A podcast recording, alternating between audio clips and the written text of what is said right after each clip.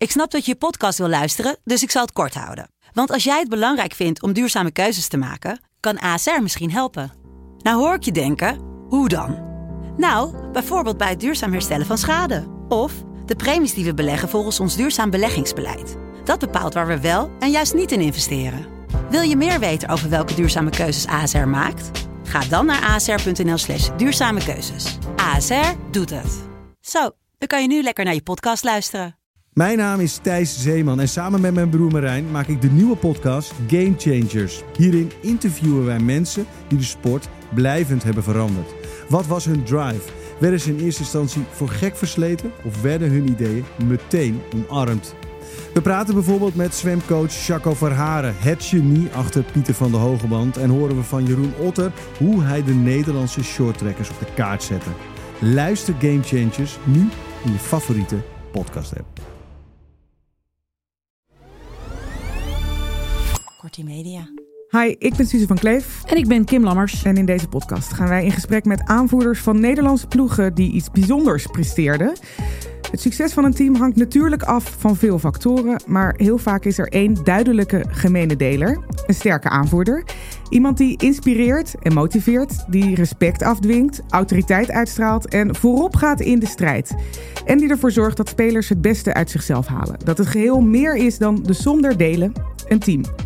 Wat is de rol van de captain binnen en buiten de lijnen? Welke successen staan er op hun naam? En wat hebben ze geleerd van die keer dat het niet goed ging?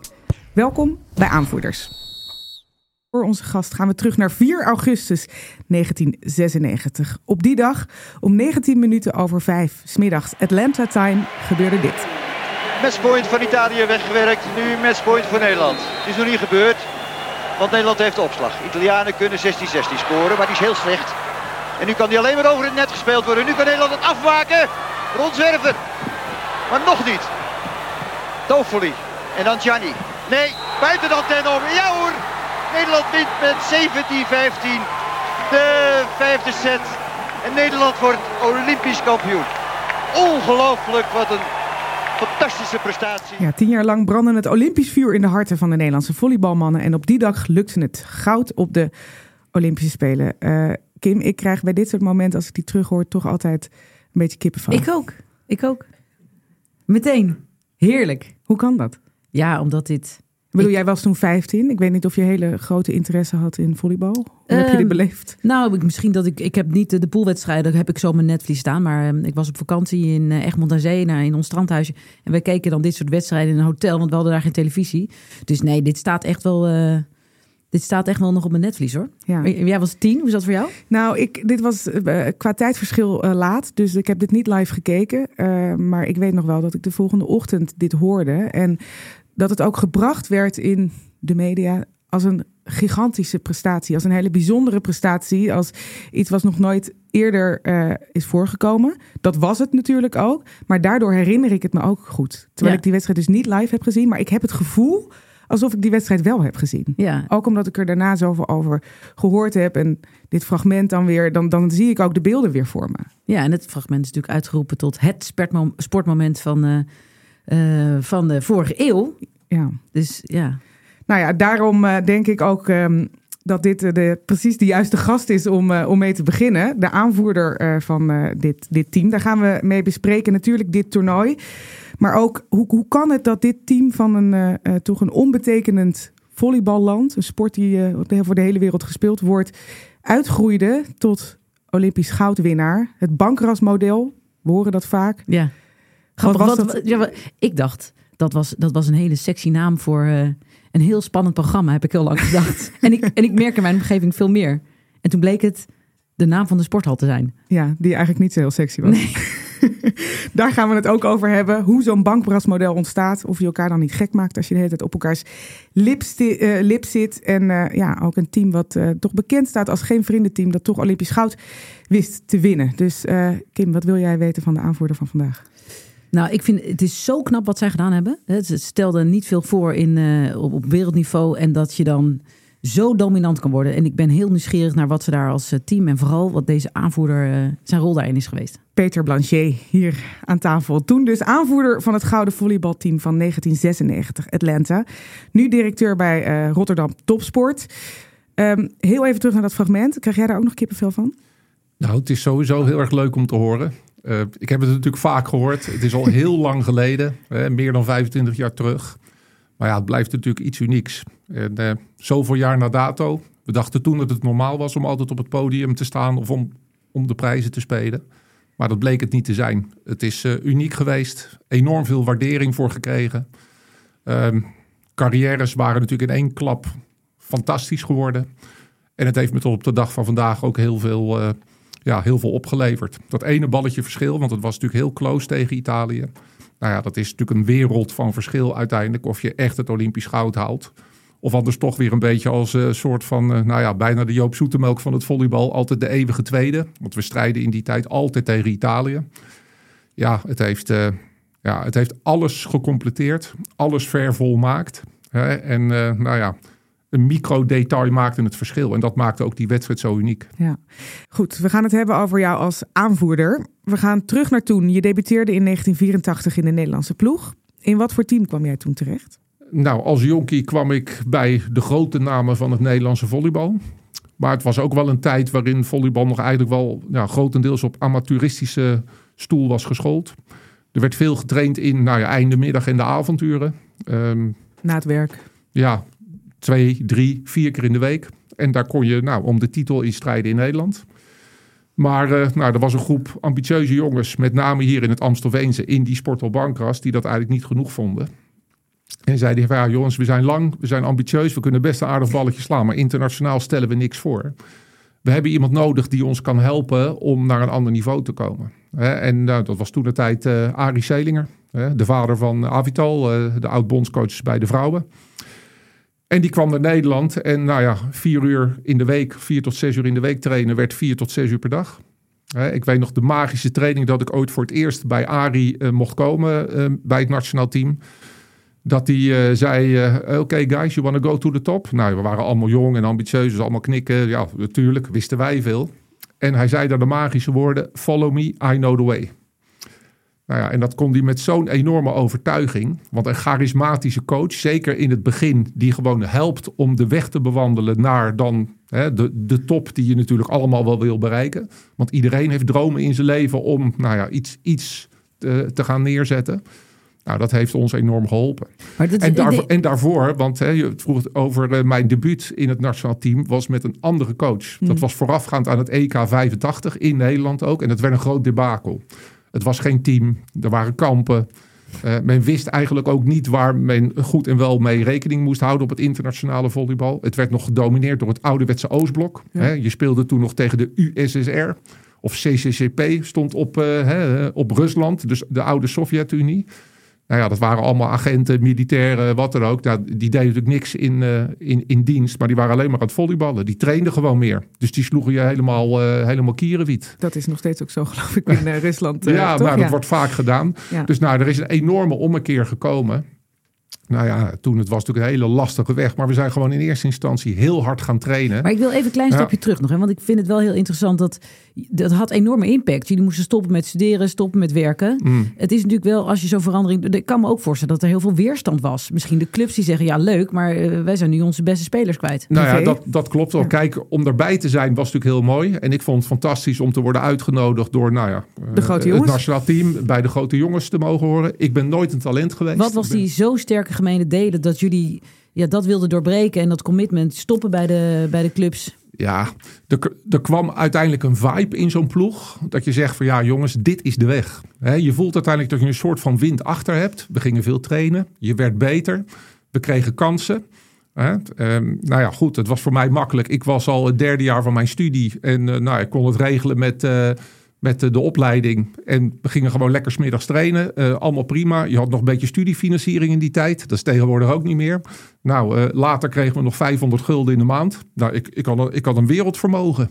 Studiefinanciering plus Gaf 500 niks gulden. uit, want je En was toch alleen maar trainen? we waren alleen maar aan het trainen. We hadden totaal geen uitgaves. Nou, en, en je was iets aan het doen wat je leuk vond. Ja. Nou, dat was helemaal prima. En het werkte. Hè? Jullie eh, maakten progressie, werden beter en Mhm, beter. mhm. Zilver in Barcelona, 1992. Daarna werd jij aanvoerder. Ik werd de Hoe ging 93 dat? aanvoerder. Ja, nou, er kwam een nieuwe coach, Joop Albeda. Ehm, daarvoor hadden we natuurlijk het bankrasmodel. En dat was ook wel een systeem van 12 maanden per jaar bij elkaar. En een year-round program, zoals dat dan heet. Dus echt alleen maar in Nederland spelen, trainen, internationale wedstrijden spelen. Ik heb dat trouwens vroegtijdig verlaten, maar ik ben voor Barcelona weer teruggehaald. Ik was toen de tijd al een van de dissidenten. Want ik koos voor een carrière bij een club, omdat ik heel competitief ben ingesteld. Ik Ja. wilde wedstrijden spelen. Dus naar het buitenland.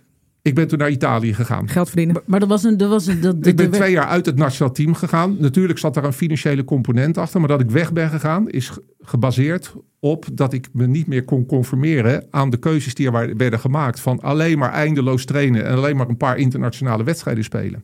Ik kon heel goed trainen, omdat ik het leuk vond om vervolgens dan twee keer per week gewoon competitief die wedstrijden te kunnen spelen. Dus nou ja, ik voelde me daar onprettig bij. En ik ben in 1990 eruit gegaan. Twee jaar eh, buiten de nationaal ploeg gelaten. Eh, moeilijk jaar in Italië gehad. Maar Jij, be- jij besluit op een gegeven moment om naar Italië te gaan. Wat, wat doet dat met het vertrouwen in het team? ja, ik heb natuurlijk het vertrouwen van het team geschaad op dat moment. Ik ben neergezet als een eh, deserteur. Ehm, in de krant stond dat eh, hè, bij monden van mijn eh, beste maatje Ron Zwerver op dat moment. Stond ja, de rotte stukken zijn nu uit de appel. Ja, Zo. dat was ik hè. Ja. Nou, dat is, eh, dat is best heftig. Ja. En dat heeft echt wel even tijd nodig gehad eh, om te herstellen. En heb je daardoor ook een moeilijk, moeilijk eerste jaar in Italië gehad? Nou, zeker. Ja, je bent natuurlijk ook op zoek naar jezelf. Ik dacht dat ik uit een team kwam wat min of meer mijn, mijn broers waren, mijn familie. En daar zat ik in mijn eentje op Sicilië. Eh, ja, dat is een harde tijd geweest. Eh, moeilijke ploeg, eh, veel reizen, sprak de taal niet, was eenzaam. Uitbarstingen van de Etna, rotzooi op je dak, aardbevingen, niet betalen. Ja, daar, leer je wel over leven. En ik was blij ook dat met dank aan nou ja, onze, onze vaste speaker en wederzijdse vriend Piet Steenert, die heeft uiteindelijk het initiatief genomen om rond te bewerken om naar Italië te komen om weer met mij het gesprek aan te gaan. Jullie hebben een soort mediator gehad. Die ervoor heeft gezorgd dat jullie... Het klinkt als een soort therapiesessie die jullie met, met elkaar hebben ja. doorgemaakt. Het blijkt dat zelfs de meest eh, succesvolle eh, mannelijke sportploeg aller tijden met op gezette tijden gewoon behoefte heeft aan een mediator. En niet één keer, dat is vele malen gebeurd.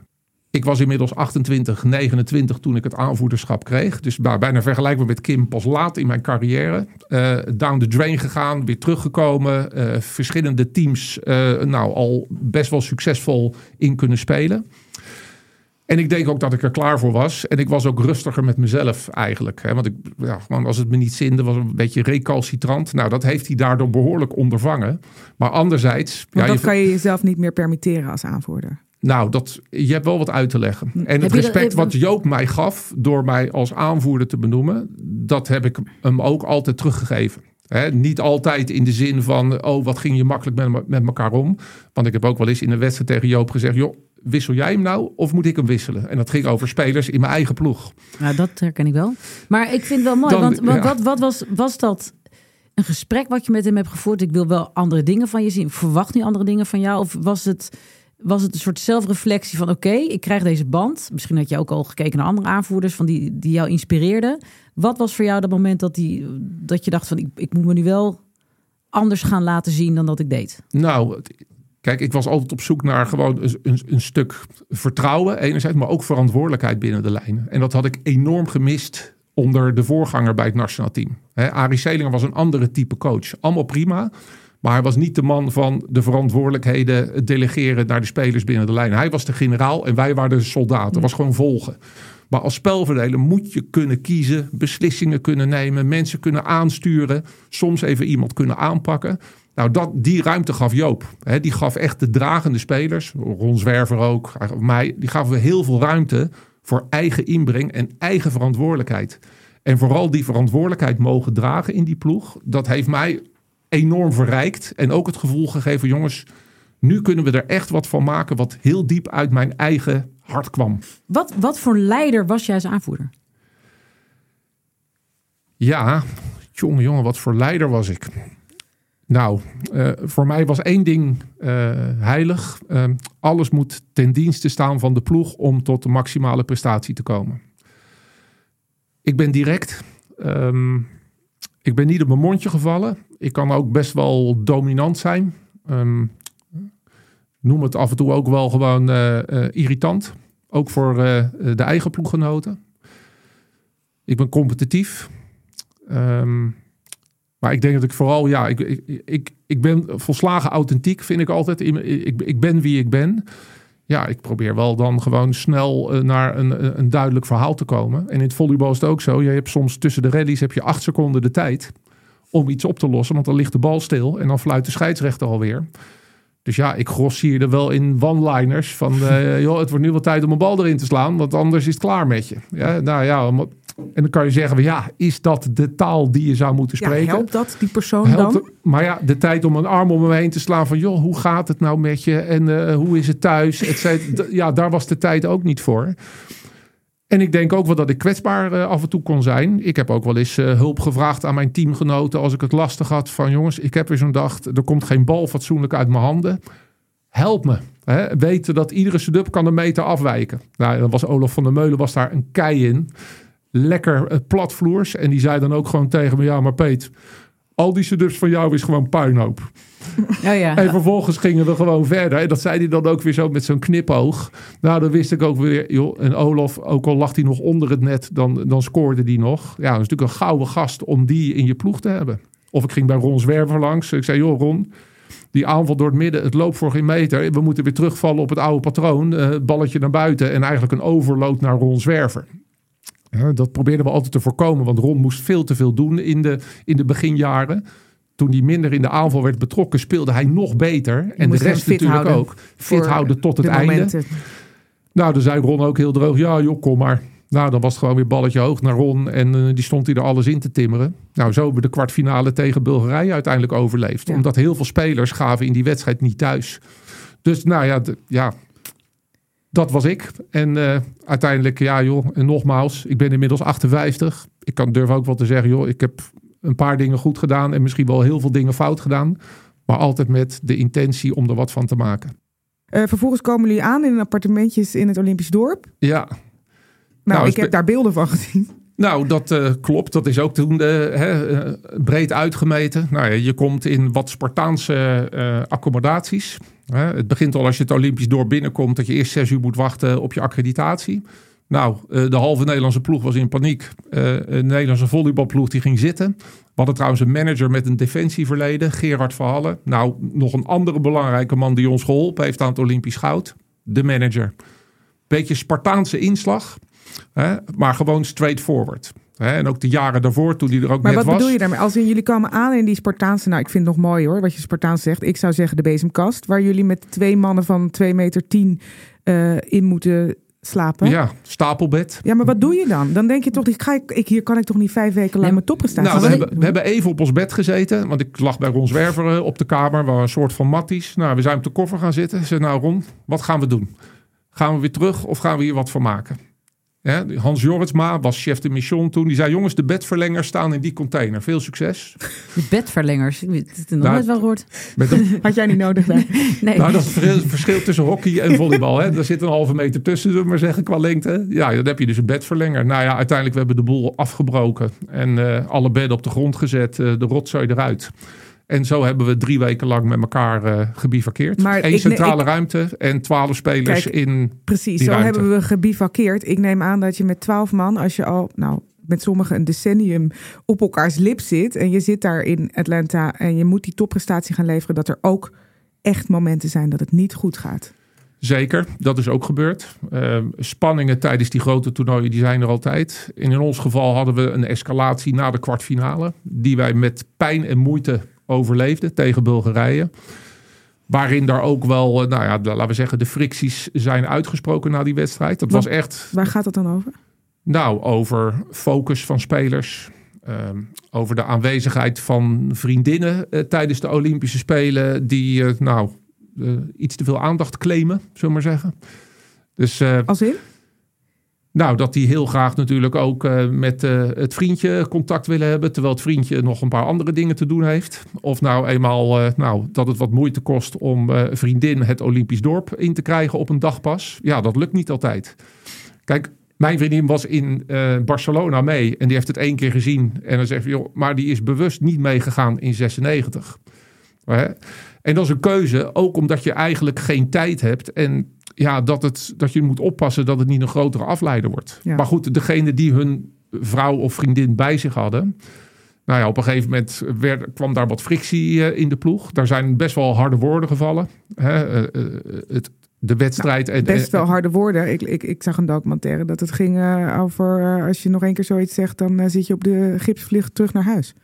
Ja, dat ging over een befaamde foto eh, die al voorafgaand aan het toernooi eh, werd gemaakt met Olympisch goud om de nek. En eh, nou ja, we hadden een hoop spelers die in Italië speelden. En daar is eh, de goden verzoeken is eh, echt wel een dingetje. Dus nou ja, dat was een van de fricties die ook in de ploeg eh, zat. En uiteindelijk heeft de manager dat ook opgelost. En is iedereen ook wel tot het besef gekomen dat soms die fricties ook wel eventjes moeten worden uitgesproken. En dan mag het ook wel even knallen. Wat voor rol speel je dan op het moment dat die vlam in de pan slaat? Ehm, nou, enerzijds ook wel wat escalerend. Hè, want zaken moeten benoemd worden op dat moment. escalerend? Je bedoelt dat je gewoon aan het schreeuwen was? Nee, nou ja, dan, eh, dan wordt er ook wel gewoon even benoemd waar de hardheid dan ook zit.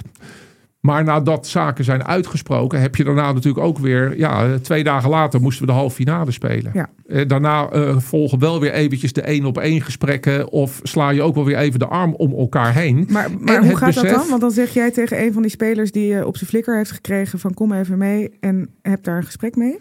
Nou ja, en even kort. En ook wel even beseffen van ja jongens, weet je, dit is benoemd. Ehm, dit is ook nu achter de rug. Maar we zijn hier wel met maar één doel. En dat is de volgende wedstrijd weer eh, zien te organiseren.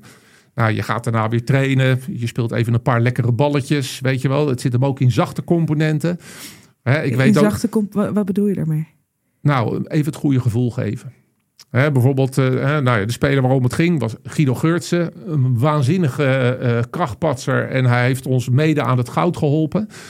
Maar hij was nou ja, daar een beetje kind van de rekening. Want hij was op de foto gegaan met een mooie Olympische medaille. Nou, allemaal prima. Hij had hem alleen nog niet gewonnen. Achteraf gelukkig wel. Maar nou ja, daar zat een van de frictiedingen in. En Guido wilde ook altijd met inslaan. Wilde gewoon even een bal echt gewoon lekker hard raken. En zo hard mogelijk. Het liefst tegen het dak via de grond. Maar van de coach moest hij iedere bal diep slaan. Hè, want eh, als je hem hard naar beneden gaat slaan... is de kans dat je geblokt wordt is vele malen groter. En ik zei tegen Guido ook op die training... Weet je, Guido, even, een balletje lekker pompen. Nou, dan legde ik alleen het ventiel aan de eigen kant. De rest van de bal lag al aan de andere kant. En dan kon hij hem gewoon echt erin heien. Nou, dat gebeurde op trainen. En de coach, Joop Albeda, die ging erop... Nee, Guido, je moet diep staan. Toen heb ik wel mijn vinger opgestoken en zeg... Joop, is mijn schuld. Even voor het lekkere gevoel, even die schouder eh, goed op snelheid zetten. Nou ja, een speler weer een lekker gevoel geven om ook weer gewoon weer door te gaan. En we hebben er daarna ook geen woord meer aan vuil gemaakt. En nou ja, ik durf ook wel te zeggen dat na de escalatie wisten we ook wel van joh, we zijn ook tot elkaar veroordeeld. Als we tot prestatie willen komen, want we voelden dat we dichtbij waren. We zaten in medal range. Dan komt er ook een moment dat je eroverheen moet stappen. Ja. En dat konden wij ook goed. Er zat veel volwassenheid in die ploeg. We wisten ook wel, jongens, nu is het ook klaar. Nu gaan we het ook gewoon doen met elkaar. En de frictie die er was, die hebben wij vertaald ook wel naar wat positieve energie.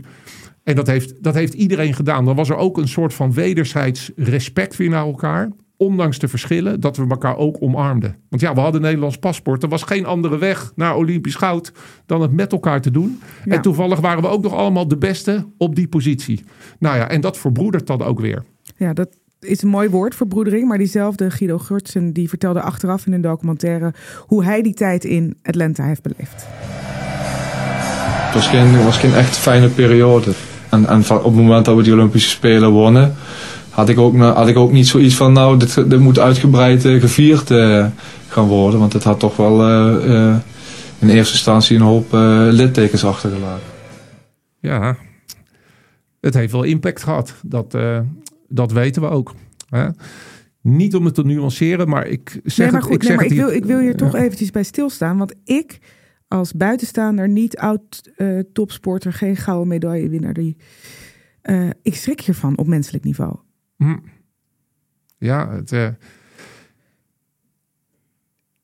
ik ga het hier toch zeggen. Ehm, ja, topsport is wat dat betreft natuurlijk ook gewoon een harde wereld. Hè? En ehm, laten we zeggen, ik kan alleen maar voor mezelf praten. Ik heb het altijd naar eer en geweten gedaan. Maar wel met maar één doel. En dat was te komen tot de maximale prestatie. Hè? En in een teamsport zou je dat ook met elkaar moeten doen. Ehm, de documentaire, die ken ik natuurlijk ook. Uh, die hebben we ook aan meegewerkt. Maar het is ook nog zo, en dat is niet om het te nuanceren. Maar soms wordt er 5% aan frictie en ellende uitgelicht in zo'n documentaire. Want ja, dat is nieuws. En wordt vervolgens neergezet alsof dat de norm is. Nee, zoals we zo, altijd zo acteerden. zeker niet en zeggen. Ik, ik zeg dan ook altijd daar, daartegen in van joh, die ploeg heeft het vijf jaar lang heel goed met elkaar uitgehouden. En heeft op ieder groot internationaal toernooi medailles gehaald. Nou, als de hel zo groot zou zijn als daarin geschetst in die documentaire. Leg mij dan eens uit dat we wel de hele wereld over konden en het vijf jaar lang moeiteloos met elkaar hebben volgehouden. En tot op de dag van vandaag ruim 25 jaar na dato nog steeds contact met elkaar hebben. Maar Peter, ik heb het niet over die documentaire. Ik heb het over deze bewuste quote van iemand die zegt... ik heb het eigenlijk niet willen vieren, want het heeft littekens bij mij achtergelaten. Daar kun je over een hele documentaire ja, praten, maar dit mhm. is gewoon wat er gezegd wordt. Mhm. Ik vind dat heftig. Uh, Kim, jij als uh, ervaringsdeskundige, hoe kijk jij naar zoiets? Ja, weet je wat ik gewoon lastig vind? Ik denk dat uh, elke speler het ook weer anders ervaart. En ik denk dat we allemaal ons littekens hebben. Um, die dingen hadden anders gekund, beter gekund. En daar heb ik van geleerd. En ik kijk daar voor mezelf niet zo op terug. Maar ik weet wel dat er ook teamgenoten van mij zijn die dat misschien wel hebben. Ik vind het gewoon een hele lastige. Want ik denk dat topsport gewoon keihard is. Ook vandaag de dag nog steeds keihard. Het gaat over winnen en verliezen. Grenzen verleggen. Grenzen verleggen, grenzen opzoeken. Um, ik denk dat gewoon de nazorg en dat soort dingen heel belangrijk zijn om dit goed te kunnen verwerken. Dus ik, ik vind het een hele lastige. Dus ik, ben daar, ik, ik, ik voel met uh, Peter mee. Um, we mogen dit niet vergeten. Ik bedoel, je, ja, het is een lastige. Want ik weet zeker dat ik ook meiden die, die datzelfde hebben ervaren. Ja. En ik durf ook wat te zeggen, joh, ik heb ook hele lastige periodes gekend. Met name na het goud van toen omdat ik er voor mezelf niet meer uitkwam. Er was namelijk geen overtreffende trap dan Olympisch goud halen. En vervolgens werd mijn carrière min of meer een hel. Omdat nou, iedere rally die misging, werd vervolgens gevoeld als een soort van nederlaag. En daardoor ga je je plezier en je passie verliezen. Maar deed je dat zelf of werd dat verwacht van anderen? Nee, nou, dat deed ik zelf. Ja, zo eh, bovengemiddeld kritisch op weer uh, je eigen handelen. En uh, nou ja, daarna hebben we natuurlijk ook nog een hoop gezeik gehad. Uh, met name rondom het aanvoerderschap. Um, het, werd er, het werd er niet makkelijker daar, op. daar wat over vertellen? Nou ja, Hè, He, want jij vond het belangrijk om aanvoerder te zijn. Je werd belangrijk ja, gemaakt. zeker. Uh, trots. Ik heb het uh, nou, vijf jaar mogen doen. Uh, na 96 is er een coachwissel geweest. Toon Gerbrands werd toen bondscoach. Um, Joop Albeda weg. En er was al direct in het begin was er al nou ja, vragen van ja, Peter nog wel of geen aanvoerder. Ik heb toen een tijdje extra rust genomen. Ik was inmiddels 2,33, dus de jaren begonnen ook te tellen. Ehm, Bas van der Goor uh, was uh, aanvoerder bij mijn afwezigheid. Nou, ik kwam terug en toen was er echt wel even, uh, nou ja, wat, wat, nu? Nou, het eerste jaar heeft Toon er toch nog voor gekozen om mij als aanvoerder te houden. 97 zijn we nog Europees kampioen geworden. geweldig team ook weer met al wat wisselingen erin. Maar in 98 heeft hij het wel doorgevoerd. En nou, ik vond dat heel erg jammer. Want ik dacht ook na vijf jaar van, nou ja... Uh, Alles wa gewonnen. Wat is er niet goed gegaan? Hè? En ik deed de spelersraad en uh, contractonderhandelingen. En nou, ik durfde ook wel te zeggen, ik stond ook wel voor de ploeg. Maar uiteindelijk heeft hij dat toch doorgevoerd. En ik heb daar eigenlijk achteraf ook wel gewoon spijt van gehad. Dat ik toen niet veel harder met de vuist op tafel heb geslagen. Of heb gezegd van, joh, als jij dat wil, prima. Maar in het dierenrijk wordt de grote aanvoerder, als hij wordt verjaagd, dan gaat hij eruit. Dan gaat hij niet een andere rol uh, vertolken. Vind je dat hij, heeft, heb je dat, heeft hij dat gesprek met jou gevoerd? Van uh, ik wil de band van je afnemen. Daarin beslis je natuurlijk zelf, ga je door of ga je dan stoppen? Of heeft hij dat goed onderbouwd? Nou, ik denk dat heeft hij zeker geprobeerd. Hè, Toon kennende en, en Toon, nou ja, het is natuurlijk een geweldige man. En uiteindelijk zijn we ook helemaal tot consensus gekomen. Maar het heeft uiteindelijk wel geleid tot een breuk. Ja. En nou ja, ik had nooit gedacht dat me dat nog een keer zou overkomen. Maar ja, ik ben gewoon ook op mijn uh, 3, 34-jarige leeftijd gewoon opnieuw weer uit het team verwijderd. Omdat het, ik het uiteindelijk op de spits heb gedreven. En ik weet, ja, we speelden World League finale in Italië. Nou ja, weer uh, kolkende arena, de grote landen tegen elkaar. Bas was geblesseerd en iemand anders was toen het uit aanvoerder. Want Toon had wel gemerkt aan mij dat ik er best last van had. En vond het ook geen goed plan om mij dan ineens weer als reserve aanvoerder te bombarderen. Nou, toen had ik ook tegen hem gezegd, joh, dat heb je goed gezien. Wat, wat mij betreft hoeft dat niet meer. Maar goed, de wedstrijd escaleerde. Discutabele beslissingen. Nou, als aanvoerder ben je de enige die naar de scheidsrechter toe mag. En dat liep uit de hand. Um, Toon nam een time-out. En daar heb ik de magische woorden gezegd van... joh, Toon, je hebt het zo gewild. Je lost het ook maar zelf op. Niet helemaal handig. Hè? Nou ja, ik uh, kon gewoon weer inpakken. Joh. We waren nummer één van de wereld met de ploeg. Ik speelde bij de absolute top in Italië. Nou ja, eh, geen speler die voor je in de bres springt. Ik vond dat nog de meest pijnlijke. Dan moet je natuurlijk ook afvragen van nou... Waarschijnlijk was jouw populariteit uh, of je hele gedrag uh, niet van die aard. Uh, dat men ook nog wel tegen je zei van nou, dat gaan we niet doen. Ik vind je af en toe een, een grote lul, maar je bent wel de beste op die rol. Hè? We hebben ja, jou nodig. Dat dus, zegt dan nou, ook wel wat. Dat, dat spelers jou dus blijkbaar ook Zeker. liever kwijt dan rijk waren. En ik vond het ook wel een soort van broedermoord. Dat, kijk, Bas had ook kunnen zeggen van... joh, ik ga dat aanvoerdersbandje niet accepteren... Uh, zolang als Peter er is. Een soort de natuurlijke leider, als ik het zo mag zeggen. Dat ga ik niet doen. Hè? Maar goed, ja, ik snap ook zijn jonge enthousiasme wel... als je dat krijgt aangeboden. Maar goed, uiteindelijk, ik ben er een jaar uh, uit geweest. Uh, halverwege het jaar. Nederland is zonder mij naar het WK gegaan in 98. dat werd een grote deceptie. Nou ja, toen kwam natuurlijk het hele spel op de wagen. De media wist natuurlijk van onze breuk.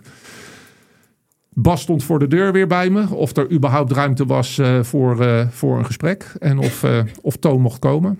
Nou, ik heb gezegd, nou, ik, ik vind dat goed. Laat hem maar komen. En dat heeft Toon gedaan met de manager, met Gerard Verhallen weer. En nou ja, voor mijn gevoel, ze zijn vijf minuten binnen geweest in Italië. Uh, Toon opende het gesprek dat hij het waardeerde dat ik uh, hiervoor open stond. Hij zei, ik heb de grootste fout gemaakt uit mijn coachcarrière. Die kan ik niet meer terugdraaien. Maar jij moet terug in het nationaal team. Jij mag ook de voorwaarden bepalen. En hij ging weer. Hij zei, ja, uh, heb je er een week, twee weken voor nodig? Dan hebben we wel weer contact. Uh, ik hoor het wel. Nou, maar toen zat ik met een probleem. Wat wil je dan? Ja, ja want uh, dan kan je zeggen, nou, als ik mijn emoties mijn gang laat gaan, dan ga je voor PD, zullen we maar zeggen. Je zegt, nou, ik wil het aanvoerderschap terug. En nou, met Gerbrands, die heeft me zo vernederd. dat wil ik allemaal niet ja. meer. En ik heb daar echt wel eventjes over nagedacht. Um, maar uiteindelijk ook de keus gemaakt om dat anders te gaan aanpakken. Ik heb daar gehoord wat ik wilde horen. En ik heb daar ook gekozen voor, uh, nou, ik wil weer terug in het nationaal team. Want ik wilde enerzijds het Olympisch goud verdedigen. Maar zeker ook, uiteindelijk komt er een keer een einde aan je carrière. Ik wilde ook mijn eigen afscheid bepalen. En dat wilde ik wel binnen de lijnen doen. Dus ik heb Toon gebeld uiteindelijk en gezegd: uh, het is goed zo. Um, Bas kan aanvoerder blijven. Ik kom weer terug. Nou ja, uiteindelijk is daar persconferentie gekomen. Ik ben ook nog met een paar spelers in overleg gegaan. Uh, onder andere ook met Guido Geurts. Uh, en, nou ja, wat er lagen natuurlijk toch wel wat gevoeligheden. communicatief zitten we op een ander niveau. En je had het aan het begin van, de, van deze podcast over empathie. Nou, je mag ook best weten, ik ben echt wel een gevoelig mens. Maar op empathie scoor ik niet zo hoog. Ik ga voor de resultaten en heb daar, ik ga daar anders mee om. En dat gaat niet over goed of fout, maar mensen kunnen nou eenmaal verschillen. Wat heb jij ervan geleerd als het gaat over leiderschap? Hè? Want daar willen we de, de luisteraar ook wat in meegeven. We hebben het gehad over individuen, eigenwijze types, harde woorden, mm-hmm. weinig empathie. Mm-hmm. Dat zijn allemaal sleutelbegrippen uit jouw verhaal, Zeker. Atlanta 1996. Wat heb jij geleerd uh, van jouw rol als aanvoerder van het Nederlands volleybalteam om nu ook weer te gebruiken in je werk? Ja, nou, ik vind, hè, als we dan echt ook voor de luisteraars hier een, goede lijn in moeten aanbrengen, zeg ja, joh, er moet een duidelijk plan zijn en een duidelijke richting. Waar streef je naar? Hè? Um, wat het dan ook mogen zijn, maar je moet wel weten waarvoor je dagelijks met elkaar uh, al deze werkzaamheden verricht. Ga nooit interfereren in een natuurlijke hiërarchie in een ploeg. Dus als je gaat kiezen voor mensen die een leidinggevende functie geeft of überhaupt aanvoerders maakt in een team, kijk goed om je heen. Vraag uit hè, hoe men elkaar ziet en wie wat kan. Want niet iedereen is geschikt om aanvoerder te zijn of om managementrollen te vervullen. je moet echt wel een bepaalde mate van natuurlijk leiderschap hebben. Je moet enerzijds goed zijn in je werk of in je vak of als sporter. Maar anderzijds moet je ook kunnen communiceren. En je moet ook een groot gemeenschappelijk doel wel goed kunnen zien. Je moet eigenlijk verder kijken dan. Je moet wat strategisch inzicht hebben en een paar stappen vooruit kunnen denken.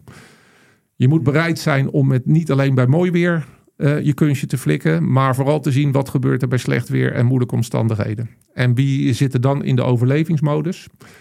En aan de hand daarvan ga je vervolgens ook wel aan de gang en ga je gewoon kijken met uh, wat je eruit kan halen. Ja, dat vind ik, als die zaken al voor elkaar zijn, dan ben je al een heel eind op weg. je moet goed kunnen communiceren. Je moet ook nog wel bereid kunnen zijn om ook wel gewoon toe te geven: jongens, sorry, ik zat ernaast. Maar ja, ik, ik heb het wel gedaan. Het enige wat ik kan zeggen is sorry en uh, bedankt voor de hulp. En of, let jij er nu zelf op over, hè, over communicatie? Want jij zei van we zaten op een ander level. Mm-hmm. Wat eigenlijk een mooie formulering is voor we praten langs elkaar heen en we vonden iets heel anders. Uh, let jij er daar nu meer op? Zeker, zeker. Kijk, uiteindelijk dat is misschien wel heel stom, maar in een sportcarrière, je bent natuurlijk relatief jong.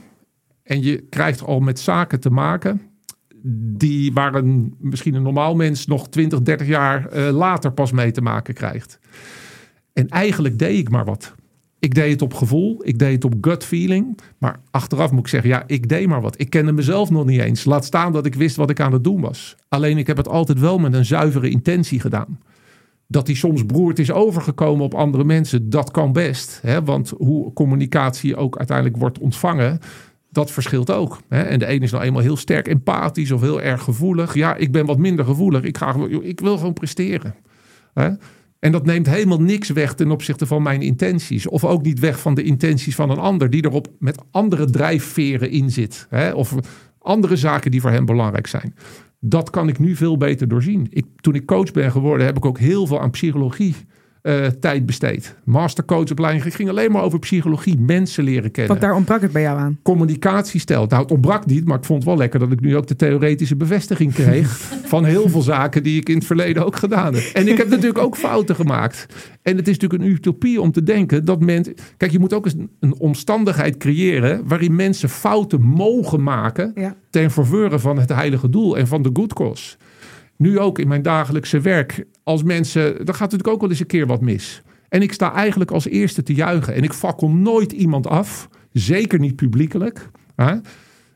Omdat ik ook vind van ja, joh, maar joh, wat heb je daar nou van geleerd? Of hoe ga je er nou voor zorgen dat dit je niet nog een keer overkomt? En je geeft mensen het respect, je geeft ze het vertrouwen. Maar ik geef ze zeker ook de verantwoordelijkheid voor hun handelen en waar ze mee bezig zijn. En als je dat kan faciliteren als aanvoerder of als manager of als leidinggevende, dan gaan mensen zo hard voor je lopen. En het is eigenlijk is het gewoon normaal menselijk gedrag met elkaar uh, uh, vertonen. En ik vind dus ook, ik verbaas me er altijd over dat op het moment dat iets goed gaat, dan is iedereen bereid om voor de camera te verschijnen. Maar met name in het voetbal, nou, eh, jouw wereld ook. dan, ga, dan is er een akkefietje. Wat gebeurt er? Ze komen niet voor de camera. Dat vind ik jammer. Ja. Ook met name voor de spelers of de coaches van wie het betreft, of, of de scheidsrechters. Want juist dat zijn je grote leermomenten. Ik heb meer geleerd van mijn nederlagen en mijn miskleunen dan van al die overwinningen. En ik durf ook nog wel te zeggen, ik heb meer verloren in het leven op dat vlak. Niet alleen sportief, maar ook daarbuiten. Dan dat je hebt gewonnen. Hè? Want juist die nederlagen, die voel, die voel je en die ervaar je steeds meer. Ja. Dus ja, ik, ik ben een blij mens met de hele carrière die we, nou, met dank aan eh, de ploeg en de teamgenoten en de coaches en alles wat op mijn pad is gekomen, die ik heb gehad. Maar ik vind het ook leuk om uitdagingen en grenzen op te zoeken. Ja, dat, dat blijft. Dat, dat is nou eenmaal hoe ik in elkaar zit. Uh, Peter, afsluitend. Wie vind jij nu of recentelijk een goede aanvoerder? Mag elke sport zijn. Kijk, ik vind echt een boegbeeld van de sport. Ja, die, die, vind ik, die, die vind ik prachtig. Maar juist ook de mensen die in moeilijke omstandigheden toch hun ding uh, doen. Ja, dat vind ik mooi. Nou ja, een, een, bij Feyenoord. Maar ik denk echt wel een rolmodel uh, voor, voor wat hij binnen de lijnen doet de hele One Life discussie is natuurlijk one een hele One ja. Love, ja, ik zeg One Life, One Love discussie, een hele ingewikkelde, ook voor hem, met name gezien zijn religieuze afkomst en zo. Maar ik vind hem qua mens en qua persoon, en ik sprak hem ook op de Sport Awards en zo, hij, staat wel, hij is wel de belichaming van de ambitie van Feyenoord op dit moment. Dus ik ga voor Kuksu. Dankjewel, uh, Peter. Blanchet, de aanvoerder van het gouden volleybalteam van 1996. Dank voor je komst en ook voor je openhartigheid. Uh, ja, Kim, uh, we zijn uh, bijna een uur verder. Hoe kijk jij nu naar dit volleybalsucces? Ja, mooi. Ik vind gewoon een, aantal dingen echt. Wat, eh, dat concrete doel, die gemeenschappelijkheid. Maar ook een stukje kwetsbaarheid. En de kracht ook wel van een stuk zelfreflectie. Dus dat hoor ik echt terug in kijken wat ik anders had kunnen doen. Waar je van, waar je, waar je van kan leren. Dus dat, ja, mooi en ook heel herkenbaar. Hij fakkelt nooit meer iemand af, hoor ik. Nee, maar ik denk dat, denk dat dat we ook niet moeten vergeten. Dat je, wat, wat weet je uh, tussen je twintigste en je dertigste? Je, je denkt op dat moment heel veel, maar eigenlijk geen klap. Dus uh, daar, dat is dan ook leuk als je in de rol als coach terugkomt. Of ook in, je, in, in een werkend leven, als je in een hogere functie komt. Ga je dingen wel even in een ander perspectief plaatsen. En je hebt gewoon iets meer ervaring. Wat mag een gouden medaille kosten? Ja, god, het heeft mij ook mijn knie gekost. En, uh, dus ik had daar ook, ik had daar echt mijn leven voor over, bij wijze van spreken. En dat, dat die drive, die, die primitieve woede om te willen winnen, ja, dat hoort wel bij uh, sport wat mij betreft. Dit was Aanvoerders. Mijn naam is Suze van Kleef. Naast mij hoorde haar Kim Lammers. Deze podcast is te beluisteren op Apple Podcast en Spotify. Vergeet je vooral niet te abonneren. Dan ben je op de hoogte als er een nieuwe aflevering online staat. En mocht je nou niet kunnen wachten, luister dan naar de aflevering met hockeyer Minke Boy... die goud won op de Olympische Spelen in Peking. Zij vertelt over een cultuurclash in het team. Tips kunnen naar aanvoerders.kortimedia.nl. Dat is met een c, kortimedia.nl. Dank voor het luisteren en graag tot volgende week. Weer een nieuw verhaal van een aanvoerder.